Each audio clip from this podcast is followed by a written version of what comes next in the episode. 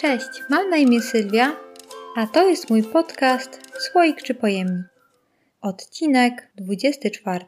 W odcinku 11 opowiadałam już o osiedlu Jazdów, z którego w prosty sposób możemy dostać się do Zamku Ujazdowskiego kładką znajdującą się nad trasą łazienkowską. Jeżeli chcecie posłuchać o tym bardzo interesującym osiedlu, gdzie znajdują się drewniane domki jednorodzinne, to zapraszam Was do wysłuchania właśnie tamtego odcinka. Dziś chciałabym pokrótce przedstawić Wam historię Zamku Ujazdowskiego. Trudno jest nam sobie dziś wyobrazić, jak mogły wyglądać początki osadnictwa na terenie, gdzie dziś znajduje się zamek. Ale możemy spróbować. Zamknijmy oczy i wyobraźmy sobie na lewym brzegu Wisły sporą skarpę, gdzie w XII wieku powstała osada. Położona była nad przerwą pomiędzy Solcem a miejscowością Kamień. Skarpę tę przecinał wąwóz, którym można było dostać się do wcześniej wspomnianej przeprawy. Dziś miejsce wąwozu pokrywałoby się z ulicą Agrykola.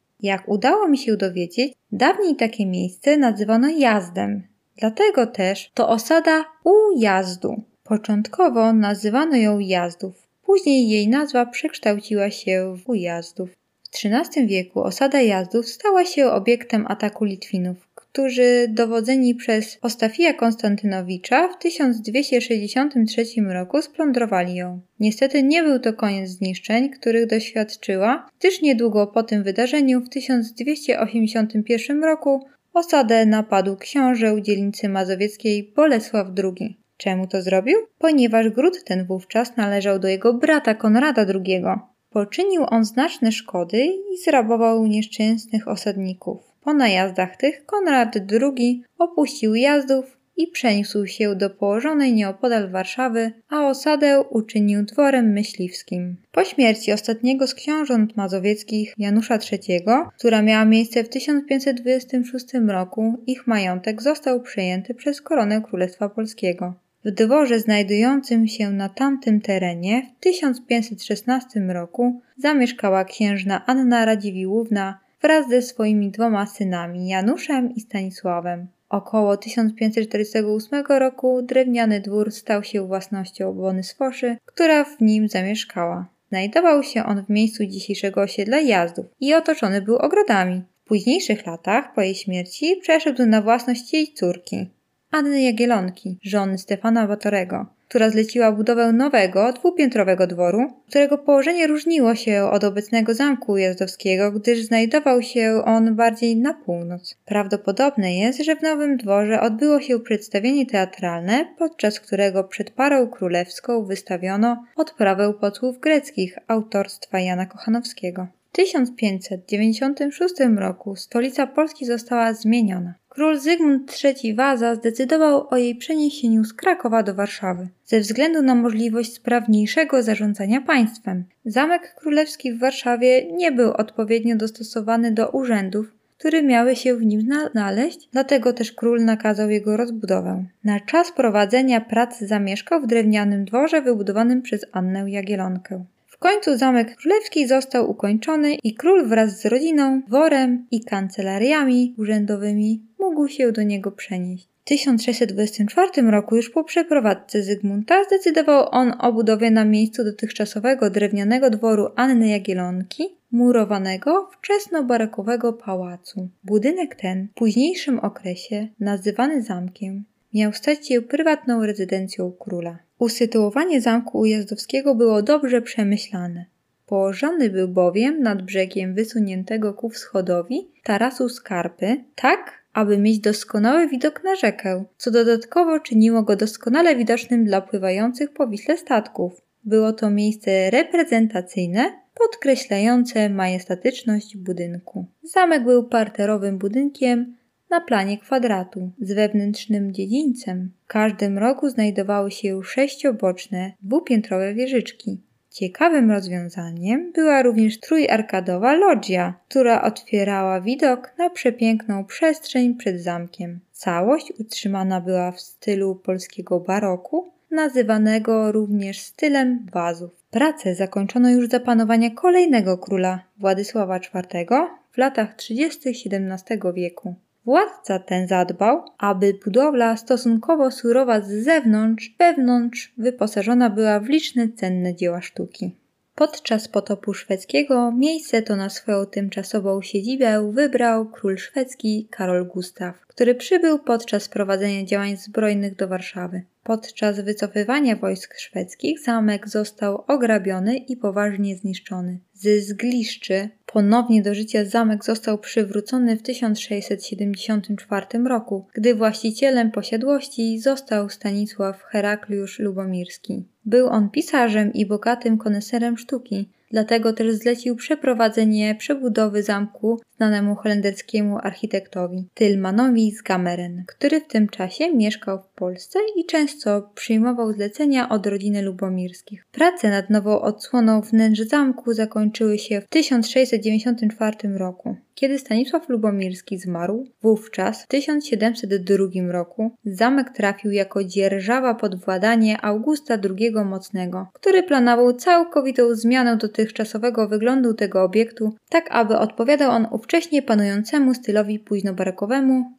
jednak wykonana została tylko niewielka część splanowanych do przeprowadzenia prac. Ponownie zmieniono wystrój wnętrz i wybudowano w 1717 roku kanał piaseczyński o długości 820 metrów, szerokości 20 metrów i głębokości około 2 metrów. Była to wówczas najdłuższa tego typu budowla wodna w Polsce. Na przestrzeni wieków został nieco skrócony i istnieje do dziś. Przebiega od Zamku Ujazdowskiego do ulicy Czerniakowskiej w kierunku Wisły. W 1764 roku Stanisław August Poniatowski odkupił zamek od Lubomirskich i stał się on jego prywatną rezydencją. W tym celu ponownie zostały zlecone prace mające na celu przebudowę samego zamku i zmianę wystroju wnętrz. Głównym architektem odpowiedzialnym za przebudowę był Domenico Merlini.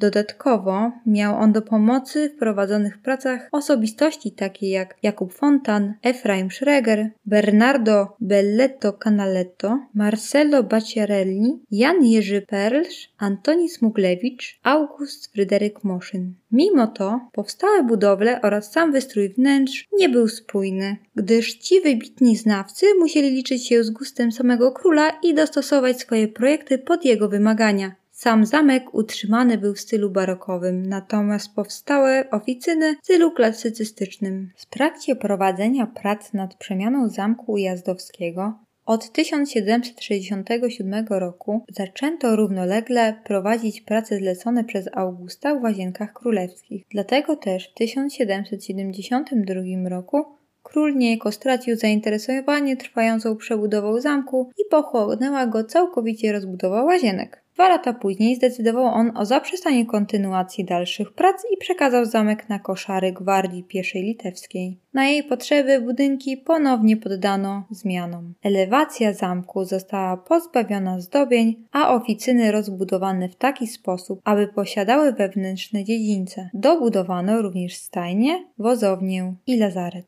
Od 1809 roku zamek został przekształcony w szpital wojskowy. Początkowo nie był on przebudowywany i specjalnie adaptowany pod ten cel. Jednak w 1852 roku dokonano zmian, które pozbawiły go dotychczasowego piękna. Pozbyto się bowiem wszystkich możliwych do usunięcia zabytkowych detali architektonicznych, czyniąc go budowlą o surowym wyglądzie. Zamek pozostał szpitalem również w czasie II wojny światowej, gdzie w 1944 roku pełnił funkcję szpitala powstańczego. Rannych było tak wielu, że nie było wolnych łóżek i brakowało personelu medycznego, dlatego też wielu poszkodowanych zmarło, a ich ciała grzebano na powstałym w pobliżu cmentarzu, o którym opowiadałam przy okazji odcinka 11, który był poświęcony osiedlu jazdów. Zachęcam do posłuchania. Tam przybliżam dokładnie, gdzie znajdował się ów cmentarz i co się z nim stało. Po powstaniu warszawskim wnętrza zamku zostały doszczętnie spalone, ale zachowały się jego mury. Mimo to, po wojnie, w roku 1954 został on całkowicie zburzony. Pozostały po nim jedynie piwnice. W późniejszych latach, podczas odbudowywania Warszawy, frakcja zabytkarzy na czele z Janem Zachwatowiczem we wspólnej inicjatywie z Aleksandrem Gejsztorem i Stanisławem Lorenzem postanowili zamek odbudować. O zabytkarzach opowiadałam już w odcinku siódmym. Cały naród buduje swoją stolicę. Zdecydowali oni, iż zamek zostanie odbudowany według projektu Piotra Biegańskiego, który zaproponował, by powstał w stylu wczesnobarakowym. Pracę rozpoczęto w 1974 roku, a zakończono w 1985. Ze względu na przemiany, ze względu na przemiany polityczne i ustrojowe, jakie miały miejsce w międzyczasie w Polsce, zamek został przekazany na Centrum Sztuki Współczesnej, które znajduje się tam do dziś. Obecnie oprócz wcześniej wspomnianego centrum w jego murach mieści się również biblioteka, dwie restauracje oraz kino. Jeżeli jesteście ciekawi wystaw, jakie oferuje Centrum Sztuki Współczesnej, to w każdy czwartek wstęp do niego jest bezpłatny. Myślę, że warto się tam wybrać i poobcować z nowoczesną sztuką. Ja już się z Wami żegnam, ale zapraszam Was na kolejny odcinek już za tydzień w środę. Pa pa!